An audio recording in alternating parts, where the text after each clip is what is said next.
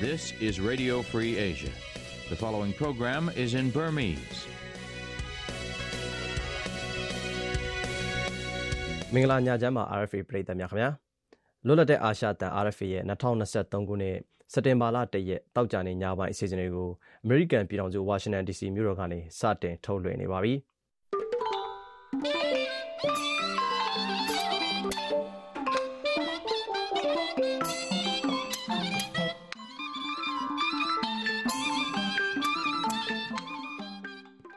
ကျွန်တော်အောင်သိန်းခပါဒီနေ့စီစဉ်တဲ့မှာတော့ RFA ကရရှိထားတဲ့ထူးခြားသတင်းတွေနဲ့အတူ ဖက်ကတ်မှာမြေပြိုလို့တေဆုံးတဲ့သူ6နှစ်အတွင်း600လောက်ရှိခဲ့တယ်ဆိုတဲ့သတင်းဆောင်ပါနဲ့ကျမ်းမာရေးဝန်ထမ်းတွေကိုအခွန်ကောက်ခံမှုကစေကူတာစီပိုကြီးလာနိုင်တယ်ဆိုတဲ့သတင်းဆောင်ပါစတာတွေကိုကြည့်ရှုနားဆင်ရမှာပါပထမဆုံးသတင်းတွေကိုတင်ပြမှာပါခင်ဗျာ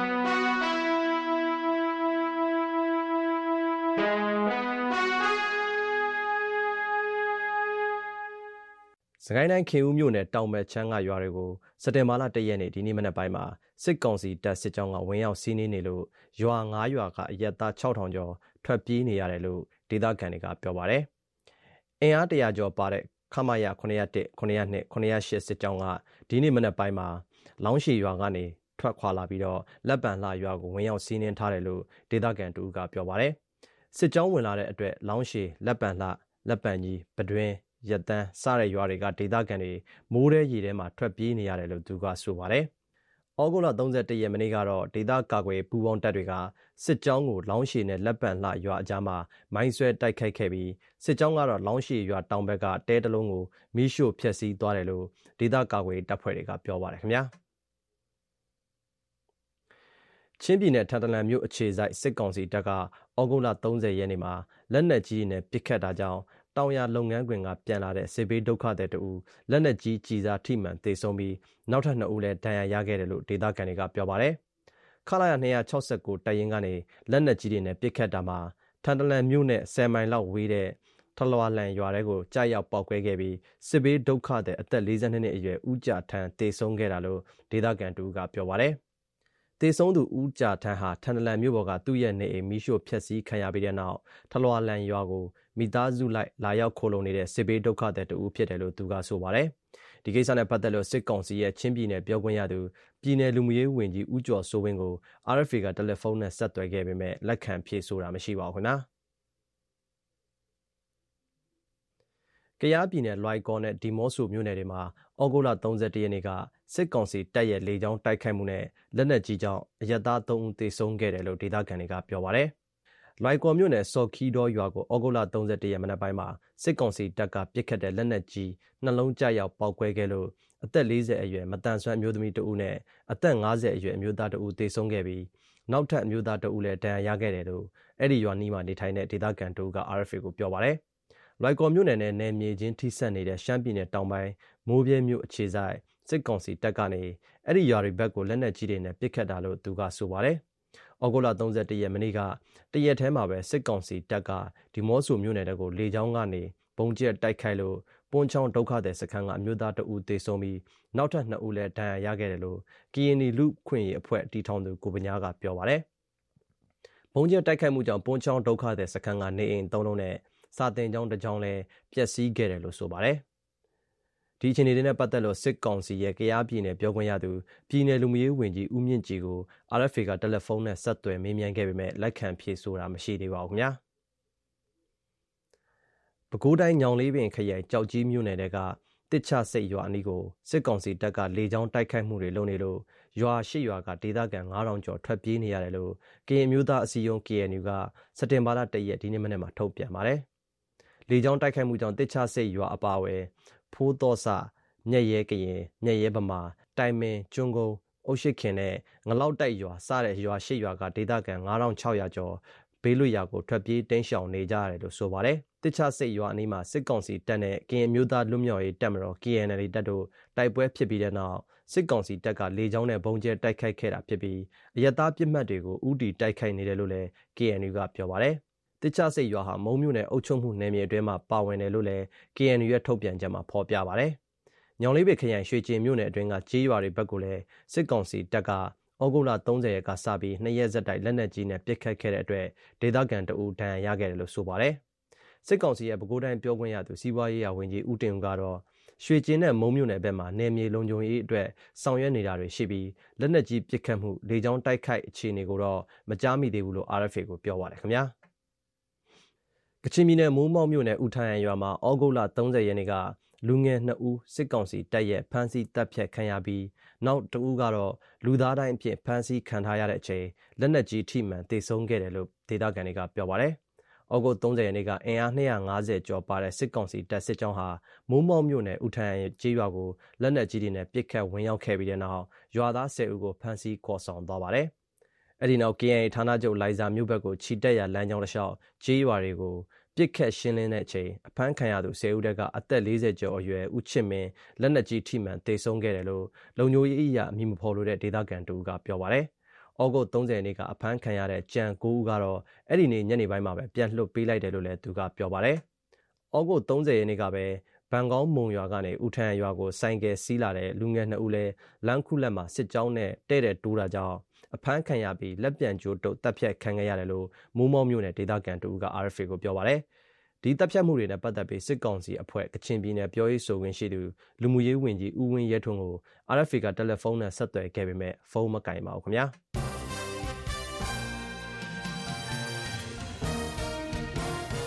သတင်းတွေကိုတင်ပြခဲ့တာပါအခုဆက်ပြီးသတင်းဆောင်မတွေကိုဆက်လက်ထုတ်လွှင့်ပါမယ်ကဘာမှာအည်သွေးအကောင်ဆုံးကြောင်စိမ့်ထွက်တဲ့ဖားကတ်မှာ မြေပြိုလို့တေဆုံးတဲ့သူ6နှစ်အတွင်း600လောက်ရှိခဲ့ပါတယ်ဒီကြောင်းကို RFA ဝိုင်းတော်သားကိုနေရင်ကျော်တင်ပြပါလိမ့်မယ်ခင်ဗျာ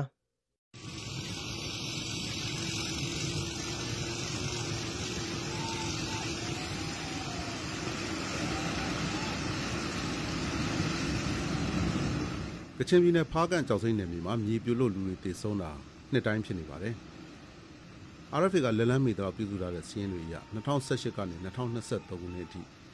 9နှစ်ကျော်အတွင်းမြေပြိုတာ10ကြိမ်ထက်မနည်းဖြစ်ခဲ့ပြီးတေဆုံးတဲ့သူက600နီးပါးရှိခဲ့တာတွေ့ရပါတယ်။တေဆုံးရတဲ့သူတွေကရေမစေးကြောက်ရှာတဲ့သူတွေနဲ့တပိုင်းတနိုင်တူးတဲ့သူတွေပါ။ဒေသခံတွေရဲ့အဆိုအရလူမသိသူမသိတေဆုံးတာတွေလည်းမကြာခဏဖြစ်နေတဲ့အတွက်ကြောင့်တည်တဲ့သူဥရဲ့အခုထက်များနိုင်ပါတယ်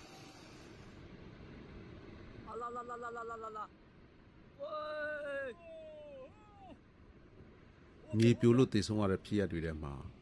2020ခုနှစ်ကဖားကန့်ဝေခါမော်မှာဖြစ်ခဲ့တဲ့ကိစ္စကအကြီးဆုံးဖြစ်ပါတယ်။အဲ့ဒီဖြစ်ရပ်မှာအယောက်190ဝန်းကျင်တည်ဆုံးခဲ့ပါတယ်။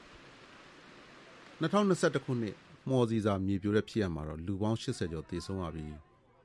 2022ခုနှစ်မဲလင်ကြောင်မော်ကမြေပြိုမှုမှာလည်းလူပေါင်း80ကျော်တည်ဆုံးခဲ့ရပါတယ်။အခုထိလည်းမြေစာပုံအမြင့်ကြီးတွေပေထောင်ချီနက်တဲ့ရေကန်တွေရှိနေသေးတာကပြည်သူတွေအန်ရကြားမှာနေရတယ်လို့ဖြစ်နေတယ်လို့ အမြင်ဖော်လို့တဲ့ဖားကန်ဒေသခံတယောက်ကပြောပါတယ်အခုကတိဘက်မှာဆိုရင်နေရာစုံများများမှာတကယ်ပြင်လေကြီးကြနေရပဲကျွန်တော်တို့ဒီကလာကြည့်ရင် ကြောက်စရာကောင်းဆုံးပဲဒီဘက်မှာရှိတယ်ကျွန်တော်မော်စီဇာမှာရှိတယ်မနာဘက်မှာရှိတယ်ကွေခါဘက်မှာရှိတယ်မုံမုံဘက်မှာရှိတယ်မြင်တွေ့နေရတဲ့နေရာတော်တော်များများမှာရှိတယ်ဟိုဆိုင်းကြပုံအနီးနားဘက်မှာလည်းရှိတယ်မောဝမ်းကြီးမောဝမ်းကလေးတော်တော်များများကျင်းနေနဲ့ကျွန်တော်တို့အိုင်ကြီးတွေနဲ့ဒီတိုင်းပြထားကြတယ်ကျတော့မိုးတွင်းကြတော့ဒီဟာဒီပေါက်ထွက်လာပြီးမှတောက်လျှောက်မြို့ထဲဝင်လာပြီးမှဒီဒီတော်တော်များများကိုအနေပြင်းနေတဲ့အခြေအနေကိုမြင်တွေ့နေရတယ် ဒါကြောင့်အပီတူလူထုတွေကဆွေးရင်စိတ်နဲ့တောကတွေညောင်များစွာရှိနေကြတယ်။တပိုင်းတတိုင်းကြောက်တူးတဲ့သူတွေကကြောက်တူးတဲ့နေရာတွေမှာကုမ္ပဏီလောက်ွက်ထဲဝင်လို့မရတဲ့အတွက်ကုမ္ပဏီနားတဲ့အချိန်မိုးရာသီမှာမှမြေပြိုမဲ့အနေနဲ့ရှိမှန်းသိပေမဲ့လုံနေကြရတာလို့ကြောက်တူးသမားတယောက်ကပြောပါတယ်။ဒီမှာကတားမယ်တားလို့မရဘူးဗျ။ဘာဖြစ်လို့လဲဆိုတော့နှစ်တိုင်းနှစ်တိုင်းနှစ်စီနှစ်တိုင်းကဒီလိုပဲအရင်ကြီးတွေက လုပ်နေတဲ့အခါကျတော့လေ။ရာသီချိန်တုန်းကဆိုက်ထဲမှာရော လုပ်ကွက်ထဲမှာရော သေချာလည်းမရှာရတဲ့အခါကျတော့လေ ဒီဖားကန့်မှာရှိတဲ့လူတွေကျတော့ မိုးတွင်းဖြစ်တောင်တွင်းဖြစ်ဖြစ် ဒီလိုပဲ လုပ်နေကြတာပဲဗျ။မလုပ်ရင်ကျတော့ တခြားအလုပ်မရှိဘူး။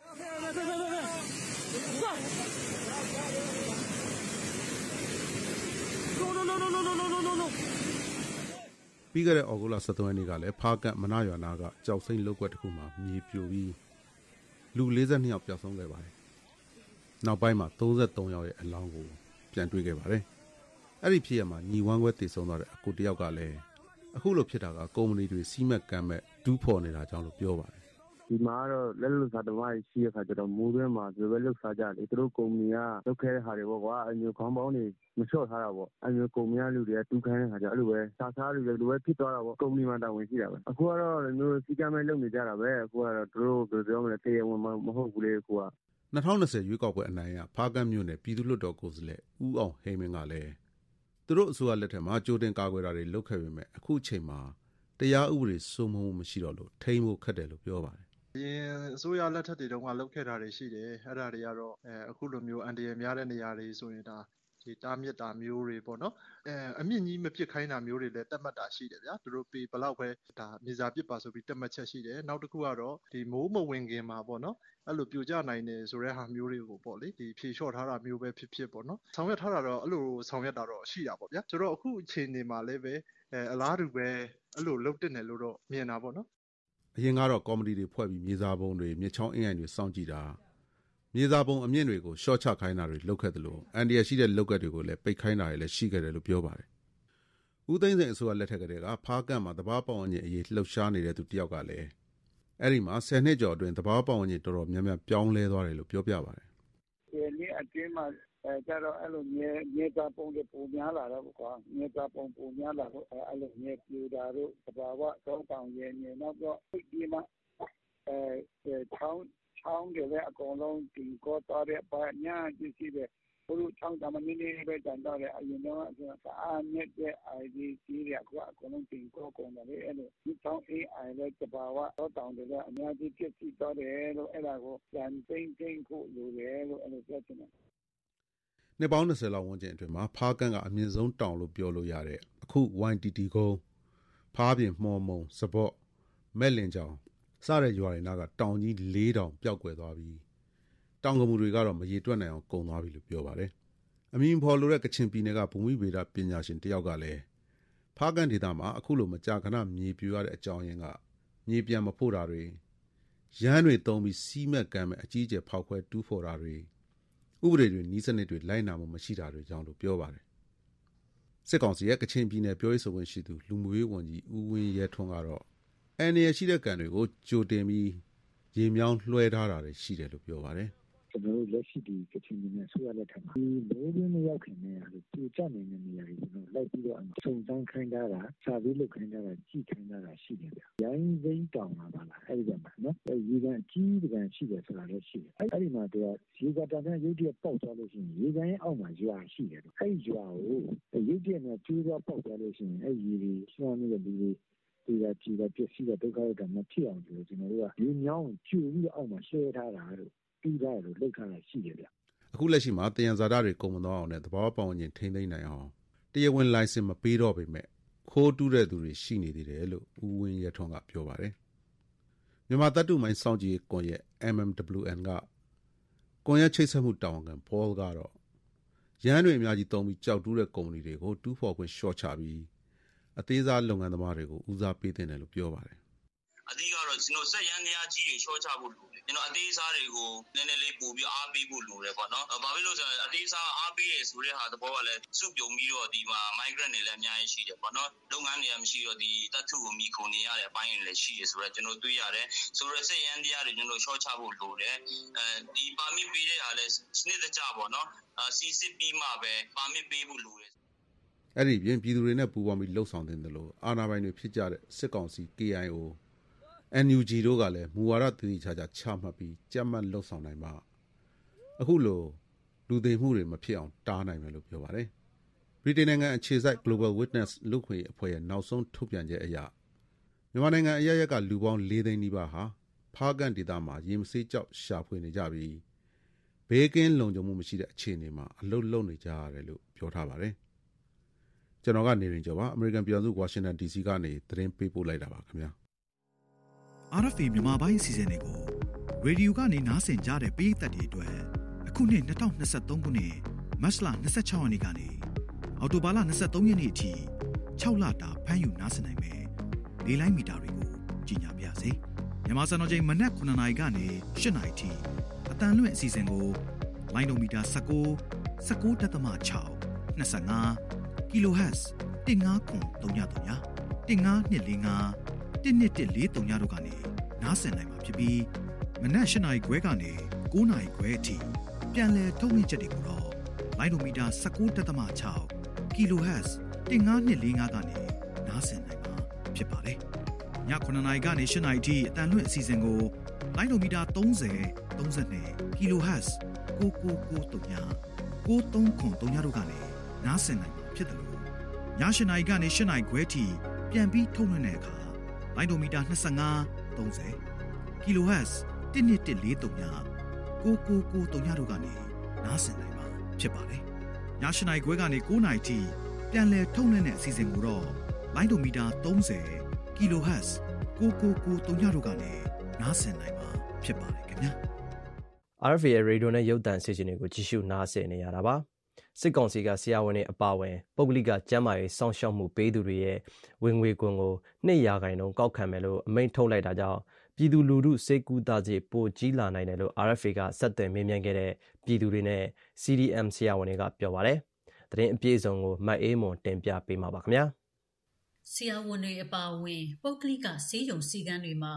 ကျန်းမာရေးစောင့်ရှောက်မှုပေးနေသူတွေရဲ့ဝင်ငွေတဲကနေစက်တင်ဘာ၁ရက်ကစလို့ နှစ်ရာခိုင်နှုန်းအခွန်ကောက်ယူမယ်လို့စစ်ကောင်စီရဲ့စီမံကိန်းနဲ့ဗန္ဒာရေးဝန်ကြီးဌာနကဩဂုတ်လ25ရက်နေ့ကကြေညာပါတယ်။ဒီကြေညာချက်ဟာပုဂ္ဂလိကဆေးရုံနဲ့ဆေးကန်းတွေမှာ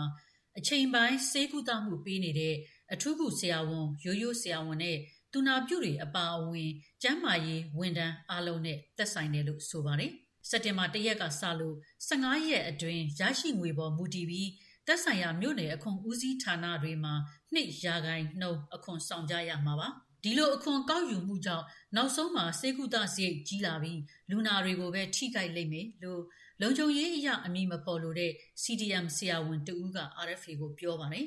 ဆေးရုံဆေးခန်းကအခွန်ဆောင်ကဆိုပြီးတော့သူတို့ထွက်ကောက်ထားတယ်မှာပဲလေနောက်ဆုံးခံရမှာပြည်သူပဲခံရမှာပဲအဲ့ဒီနှစ်ရာခိုင်နှုန်းကောက်လိုက်တဲ့အတွက်အဲ့နှစ်ရာခိုင်နှုန်းကပတ်ခံမှာမဟုတ်တာသူကလူနာပေါ်မှာသူ့ကောက်လိုက်မှာပဲ လေခုတော့ လူနာပဲခံရတာပဲလေ ဆေးရုံဆေးခန်း သူတို့ရဲ့ အမြတ်ဆုံးဆိုသူတို့ကတော့ခြံထားမှာပဲ ဒါကို သူတို့ အိတ်ဆက်ပြီးထောင်မှာ မဟုတ်လေကြည့်ကြတယ် အဲ့ကြတော့ငကိုရှိတဲ့ ဈေးနှုန်းကို သူတို့ တင်ပလိုက်မှာပဲလေ စစ်ကောင်စီဟာ အာဏာသိမ်းပြီးနောက်ပိုင်းမှာ ဆရာဝန်တွေနဲ့ ကျန်းမာရေးကဏ္ဍကို တင်းကျပ်တဲ့စီးမြင်တွေနဲ့ ချုပ်ကင်လာတယ်လို့လည်း သူကဆိုပါတယ်။ပုဂ္ဂလိက ဆေးရုံဆေးကန်းတွေမှာ အထူးကုဆရာဝန်ကြီးတွေ ရှားပါတာကြောင့် ပိုင်ရှင်တွေက ဆရာဝန်ကြီးတွေရဲ့ လစာကနေ အခွန်ဖြတ်ဖို့ကြိုးစားမှာမဟုတ်ဘဲလူနာတွေရဲ့အစေကုသစရိတ်ကိုပဲတိုးယူလိမ့်မယ်လို့လည်းပြည်သူ့ကျန်းမာရေးကဏ္ဍကိုလေ့လာနေသူဆရာဝန်တူကပြောပါတယ်။ အခုခု test တိုးကောက်ပြီဆိုရင်ဆရာဝန်တွေကိုတော့ လျှော့ပေးမှာမဟုတ်ဘူး မလျှော့ရဲဘူးပေါ့နော် ပုံမှန်အဖြစ်ဆိုရင်လေဒီဘာဖြစ်လို့လဲဆိုတော့သူခုဆရာဝန်ကြီးတွေက ရှားတာရှားတဲ့ခါကျတော့ ဆရာဝန်တွေကဟိုမလျှော့နိုင်ဘူးဖြစ်နေတယ်သူတို့က လူနာပဲ တိုးကောက်မှာပဲတေးကြတယ် အဲ့တော့ငကိုတွေကမှအဆက်ပေးရတာများနေတဲ့ လူနာတွေတော့ပို့ပြီးတော့ ခက်ခဲတာပေါ့နော် ဒါကလည်း သူတို့ပဲ ထပ်ပြီးတိုးပေးရမယ်အဆက်လိုမျိုး ဖြစ်နေတာပေါ့လေ ထိုင်နေကြဆရာဝန်တွေအတွက်ကတော့အာရီထူးထူးခြားခြားတိုက်ရောက်မှာ မဟုတ်ဘူး ရန်ကုန်မြို့က အထူးကုဆေးရုံ ဆေးကန်းတွေမှာ အချိန်ပိုင်း ဆေးကုသမှုပေးနေတဲ့ နာမည်ကြီး အထူးကုဆရာဝန်တဦးဟာတနေ့ကိုကျပ်30နီးပါးဝင်ငွေရှိနေပြီးအခြားဆရာဝန်တွေကလည်းတနေ့ကိုကျပ်3သိန်းကနေ10သိန်းကြားအထိဝင်ငွေရှိကြတယ်လို့သူကပြောပါတယ်။အခုမကောက်ခင်ကလေးကပုဂ္ဂလိကဆေးရုံတွေမှာအဆအစာအရာရာဈေးကြီးပေးပြီးတော့ဝယ်သုံးနေရတာကြောင့်အခွန်ထပ်ကောက်မယ်ဆိုရင်တော့အခြေအနေပိုဆိုးလာလိမ့်မယ်လို့အမိမဖော်လို့တဲ့မန္တလေးမြို့ကန်တူက RFA ကိုပြောပါတယ်။ိ ကမှာတနေ့ကိုခန်းကြေးတင်က9000အောက်ထိရှိတယ်ဆေးရုံသေးရင်2000ခွဲ3000အစရှိနေဆေးရုံကြီးရင်9000အစရှိအဲ့ထက်တော့ရှိကောင်းရှိနိုင်သေးတယ်နော်ပြောင်းဝင် service ကြီးနောက် NASMA ရေးပါမယ် NASMA ရေးတစ်ခါနှစ်နိုင်လောက်တစ်ခါတွေးလာတိုင်းတာတို့ဒါမနေ့ညနေနေ့လေ3ချိန် pressure တိုင်းတာပါအဲ့ NASMA ကြီးတက်တက်ရှိမယ်တန်ရှင်းရေးကြီးမယ်အဲ့လိုတွက်လိုက်တနေ့ကိုသသိန်းအောက်ခံလောက်ရှိကျမ်းမာရဲ့လည်းမဖြစ်မနေလုံးရမယ်လို့တခုလေဘလူးနေနေပတ်စံအခုချိန်ကအကုန်လုံးတိုင်းတာသုံးနေကြတယ်ပတ်စံအဆင်မပြေဘူး အပြင်ဆေးရုံဆေးကန်းတွေမှာစရိတ်ကြီးလာလို့ဆေးမကုနိုင်တော့တဲ့တာမန်ပြည်သူတွေဟာနောက်ဆုံးမှာတော့အစိုးရဆေးရုံတွေကိုပဲပြန်ရောက်သွားလိမ့်မယ်လို့ရန်ကုန်မြို့ကပြည်သူဆေးရုံတရုံမှာတာဝန်ထမ်းဆောင်နေစေဆရာဝန်တူကပြောပါတယ်ဆရာဝန်ကတော့တို့ရဲ့ဆိုင်နေစရာမရှိဘူးလေ။အရင်1000တောင်းတဲ့လူက1100တောင်းပြီးတော့အဲ့ဒီကနေဖြတ်လိုက်လို့ပဲပြောတော့မှာပေါ့။အဲ့တော့လူနာပဲခုံမှာပေါ့။တေချာတော့အပြင်မှာမပြနိုင်တာများလာလို့ရှိရင်တော့အစိုးရစီရင်နေမှာပဲပြကြမှာပေါ့။အဲ့ကြရင်တော့အစိုးရစီရင်မှာပဲလောက်အားပို့လာမှာပေါ့လေ။ဒါပဲရှိတာပေါ့ မြန်မာနိုင်ငံကပုဂ္ဂလိကဆေးရုံဆေးကန်းတွေကိုလူလက်တန်းစားနဲ့ငွေကြေးပြည့်စုံသူတွေသာအသုံးပြုနိုင်တာလို့လည်းသူကဆိုပါတယ်။ဩဂုတ်လ30ရက်နေ့မှာတော့စစ်ကောင်စီရဲ့စီမံကိန်းနဲ့ဗန္ဒာရေးဝန်ကြီးဌာနကနှစ်ရာခိုင်နှုန်းကောက်ယူမဲ့အခွန်ငွေဟာပုဂ္ဂလိကဆေးရုံဆေးကန်းတွေမှာလုပ်နေတဲ့အမြဲတမ်းဝန်ထမ်းတွေအပေါ်မှာတက်ရောက်မှုရှိမှာမဟုတ်ဘူးလို့ထပ်မံထုတ်ပြန်ပါတယ်။ဒီအခွန်ဟာပုဂ္ဂလိကကျန်းမာရေးလုပ်ငန်းဆိုင်ရာဥပဒေပုံမှန်9အရ ကျန်းမာရေးဆောင်ရှောက်မှုပေးသူတွေရဲ့အသက်မွေးဝမ်းကြောင်းပညာကရရှိတဲ့ဝင်ငွေအပေါ်မှာအခွန်ကောက်ခံတာဖြစ်တယ်လို့လည်းစီမံကိန်းနဲ့ဗန္ဒာရေးဝန်ကြီးဌာနရဲ့ဩဂုတ်25ရက်ထုတ်ပြန်ချက်ကဖော်ပြပါတယ်။နိုင်ငံရေးလေလာသုံးသက်သူဦးတန်းစိုးနိုင်ကတော့ဒီလိုအခွန်ကောက်တာဟာစစ်ကောင်စီကသူ့ရဲ့အခွန်ဘဏ္ဍာအကျက်အတဲကိုရသလောက်နီးနဲ့ဖြည့်ရှင်းတာဖြစ်တယ်လို့ RFA ကိုပြောပါတယ်။ဘဏ္ဍာရေးကျက်တဲ့ကျုံးနေတယ် စစ်ကောင်စီကတော့ခွန်ကောက်ကောက်လို့ရမယ်နီးနာအားလုံးကျင့်သုံးနေတာပါ။တာမန်ကျွေးလုပ်ငန်းရှင်တွေနဲ့ခွန်နဲ့ပတ်သက်ပြီးတော့နော်ရှောင်လွှဲလို့ရတယ်ဆိုတော့မရှိပါဘူး။အားလုံးမျိုးစုံနဲ့ပြက်ပတ်ပြီးတော့ ကောက်နေတာ။ဆရာဝန်တွေကလည်း ဝင်ဝင်ကောင်းတဲ့လူတွေ ဖြစ်တဲ့အတွက် ဒီလူတွေကလည်း ကောက်တယ်နဲ့ဆိုရဲစဉ်းစားမှုမျိုး စစ်ကောင်စီထဲထဲမှာနေပါတယ်။အဲဒါကြောင့် ဒီလိုလုပ်နေလို့ ကျွန်တော်တို့ရှင်းပါတယ်။ဒီအခြေအနေတွေနဲ့ ပတ်သက်ပြီး စစ်ကောင်စီရဲ့ စီမံကိန်းနဲ့ဗန္ဒာရေးဝန်ကြီးဌာန ပြည်တွင်းအခွန်များဦးစီးဌာနကိုဖုံးခေါ်ခဲ့ပေမဲ့လက်ခံဖြေဆိုတဲ့သူမရှိပါဘူး။2021ဖေဖော်ဝါရီ1ရက်စစ်တပ်အာဏာသိမ်းပြီးနောက်မှာပြည်သူအလုံးစစ်ကောင်စီကိုအခွန်မဆောင်ကြဖို့နဲ့စစ်တပ်ထုတ်ကုန်တွေကိုမသုံးဖို့ဒီမိုကရေစီရေးလှုပ်ရှားသူတွေကစင်ဆက်မပြတ်တိုက်တွန်းနေပါတယ်။ဒါကြောင့်ကျန်းမာရေးဝန်ထမ်းတွေအပေါ်စစ်ကောင်စီရဲ့အခွန်200ခိုင်နှုန်းတိုးကောက်မဲ့ကိစ္စလက်တွေ့ဖြစ်နိုင်မဖြစ်နိုင်ဆိုတာကိုပြည်သူအများစုကစိတ်ဝင်စားစောင့်ကြည့်နေကြပါတယ်။ကျမအေးအေးမော်မှာ နော်ဝေးနိုင်ငံအော်စလိုမြို့ကနေသတင်းပေးပို့ခဲ့တာပါยตันก่อนนะจุมพ่อมองจุมพ่อกินราเทเสียงไงแล้วเดี๋ยวเป็นเพซีเอ็มสตีที่ตัวอย่างเลยว่าตลาดบีเอฟบีวีอะไรเวชิมโปรแกรมยินอินยังกุดเนมกันเล่ากายไรสันไม่กำลังซาตาเป็นโอเคเขียนไอ้กวนก็ท่องปล่อยเสียงอะไรเวเตะขับหมายปล่อยเสียงฝ่ายได้อยู่อ้อตาลีโซวา RFA ရခိုင်ဘာသာအစီအစဉ်ကနေကိုဆိုပါရယ် RFA တို့ဂလူဒူအတောင်စောတာတာကလေ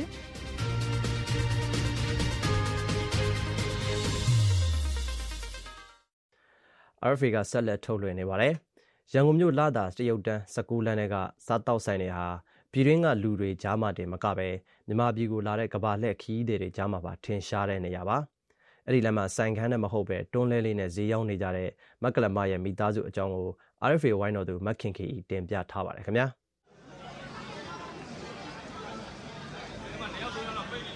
အခုမြင်နေရတဲ့မြင်ကွင်းကတော့ရန်ကုန်တိုင်းလာတာမြို့နယ်က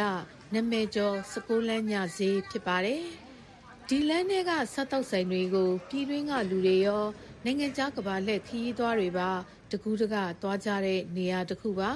။ကိုဗစ်ကရောဂါကာလကန့်သက်ချက်ထုတ်ထားတဲ့အချိန်ကနေကရောဂါပြီးသွားပြီမဲ့လည်းပြည်တွင်းနိုင်ငံရေးကြောင့်ပါမြန်မာပြည်ကိုကဘာလက်ခီးသွားတွေမရောက်တော့သလို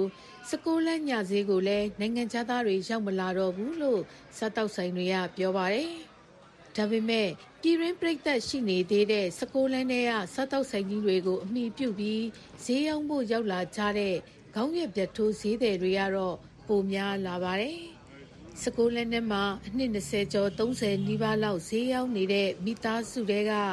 စိတ်ပဲနဲ့ကြက်ကွေးတောက်ဟင်းရည်ရောင်းတဲ့မက်ကလမကတော့ စကိုးလန်းဟာသူတို့မိသားစုအလုံးရဲ့ဘဝနဲ့အနာဂတ်ဖြစ်တယ်လို့ပြောပါတယ်။စကိုလန်းနဲ့ပတ်သက်မှုကတော့အကိုလက်ထက်တည်းကပတ်သက်ခဲ့တာအကိုကအဲ့မာတွေကငငယ်ဈေးရောင်းခဲ့တာအနှစ်20ကျော်30ဝန်းကျင်34နှစ်မှဆုံးသွားတယ်အဲ့တီတီစကိုလန်းနဲ့ကမထွက်ဘူးအဲ့နောက်ပိုင်းကိုရီအလှည့်ရောက်သွားတယ်ကျမတို့ကအခုဆိုရင်မေနဲ့ရောင်းတာစိတ်ပဲချက်ကိုတော့ရောင်းတာ9နှစ်ကျော်ပါပြီတူရီတူမတွေကလည်းတမှုမေပဲလက်ဖက်ထွက်ရောင်းတယ် အမိသားစုသုံးလူလုံးကဒီစကိုလန်းထဲပေါ်မှာပဲဈေးရောင်းစားကြတာအခုမှတော့မဟုတ်ကြားလာပြီစကိုလန်းကကျမတို့ရဲ့ဘဝစကိုလန်းကကျမတို့ရဲ့အနာဂတ်နောက်ဆုံးစကိုလန့်ကကျမတို့ရဲ့အိမ်အထိပါဖြစ်သွားတာပေါ့နော်စစ်တပ်ကအာဏာသိမ်းပြီးနောက်ပိုင်းမြန်မာနိုင်ငံတဝန်းမှာအလုတ်လက်မဲ့တွေများလာသလိုအွန်လိုင်းပေါ်မှာဈေးရောက်တဲ့သူတွေအွန်လိုင်းပေါ်ကမှားစားတဲ့သူတွေလည်းများလာပါတယ်။ဒီကာလမှာအခြေခံစားတောက်ကုန်ရောပစ္စည်းမျိုးစုံမှာဈေးနှုန်းတွေတက်နေပါတယ်။ ဒါပေမဲ့မက်ကလမကတော့စားသုံးသူတွေအဆင်ပြေအောင်အာနာမသိငင်ကရောင်းခဲ့တဲ့ဈေးနှုန်းနဲ့ပဲရောင်းနေသေးတယ်လို့ပြောပါတယ်။ပဲသေးဆိုလို့ရှိရင်ချရောင်းတာ2000 2000ကနေအခုအာနာသိမ့်ပြီးနောက်ပိုင်းဆိုရင်6200ဖြစ်နေတယ်ကြီးသွေးဆိုရင်9000ကနေ9000 8500 9000ဖြစ်နေတယ်အဲပြီးတော့စိတ်သားဆိုလို့ရှိရင်ကိုစရောင်းတော့3500အခုဆိုစိတ်သားစိတ်အကျော်ဈေးပဲရှိသေးတယ်ဒါတော့1000ဈေးဖြစ်နေတယ်အဲ့လိုကနေကိုရောင်းလာတာ အခုချိန်ထိ1500ဈေးပဲပေါ့နော်အာနာမသိငင်တွေက1500အခုလည်း1500ပဲရောင်းတယ်ဒီဈေးပဲဘာဖြစ်လို့လဲဆိုတော့ကိုယ်စီမှာလာစားသုံးတဲ့လူတွေအတွက်ဖောက်ကိုဖောက်တဲ့တွေအဆင်ပြေအောင်စားလို့ရှိရင်လည်းတန်လဲတန်ရမယ်ဈေးနှုန်းကလည်းသိရမယ်ဆိုတဲ့သဘောမျိုးနဲ့ပဲကိုက1500ပဲရောင်းတာဒီထက်လည်းဈေးမတက်ဘူးအခုချိန်ထိဒီစကိုလန်းထဲမှာတွန်းလဲနဲ့ဈေးအောင်ကြတဲ့သူ10ယောက်လောက်ရှိပါတယ်မက်ကလမာတို့မိသားစုကတော့တွန်းလဲ၃စီးနဲ့ဈေးအောင်နေကြတာပါ သူ့ရဲ့တူနဲ့တူမကပြောင်းမှုမြေပဲလက်ဖက်စုံတုပ်ရောင်းပါတယ်သူတို့ကတော့အရင်ကမြေပဲလက်ဖက်တုပ်တပွဲကို900ကျပ်ရောင်းနိုင်ခဲ့ပေမဲ့အာနာသိန်းဒီနောက်ပိုင်းကုန်စည်နှုန်းတွေအဆမတန်တက်နေတာကြောင့်အခုတော့တထောင်ကျပ်နဲ့ရောင်းနေရတယ်လို့ကိုလင်းလင်းကပြောပါတယ်။ဘာပဲဖြစ်ဖြစ်သူတို့မိသားစုရက်တည်နိုင်အောင်အခုလိုရောင်းခွင့်ပေးထားတဲ့စကိုလန်းတွေကစားတောက်ဆိုင်ကြီးတွေကိုကျေးဇူးတင်တယ်လို့ ကိုလင်းလင်းကပြောပါတယ်။ကျွန်တော်ရောင်းတာအနည်း20လောက်ရှိပါပြီ။ကျွန်တော်ဆရာရောင်းတာတော့15နှစ်လောက်ရှိပြီ။ကျွန်တော်တို့ကရောင်းတာ5နှစ်လောက်ရှိပါပြီခင်ဗျ။ဘာဖြစ်လို့ကျေးဇူးတင်စကားပြောရလဲဆိုတော့ဒီဆိုင်တွေမှာကျွန်တော်ပြင်မအစားအစာတွေ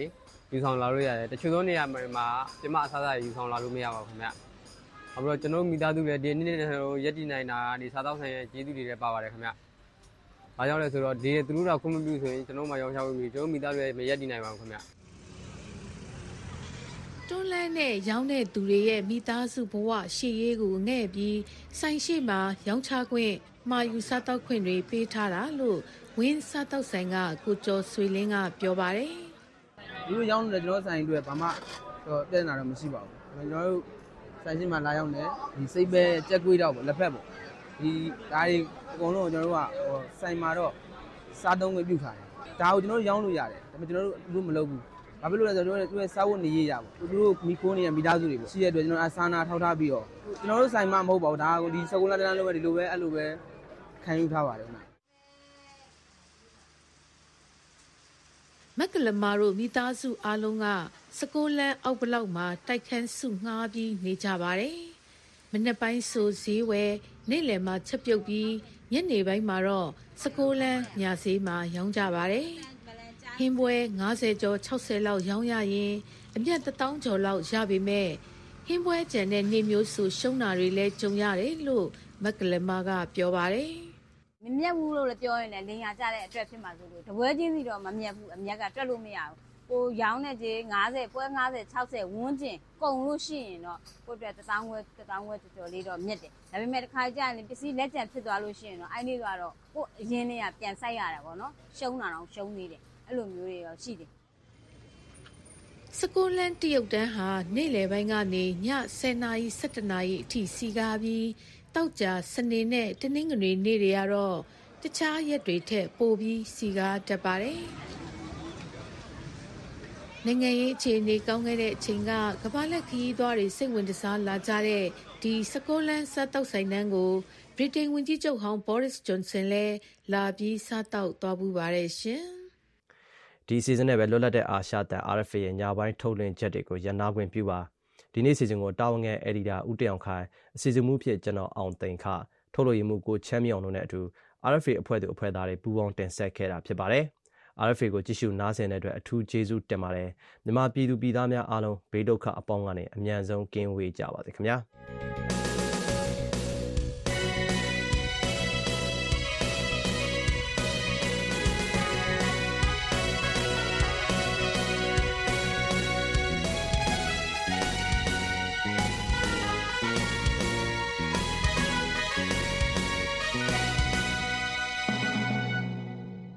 have been listening to Radio Free Asia.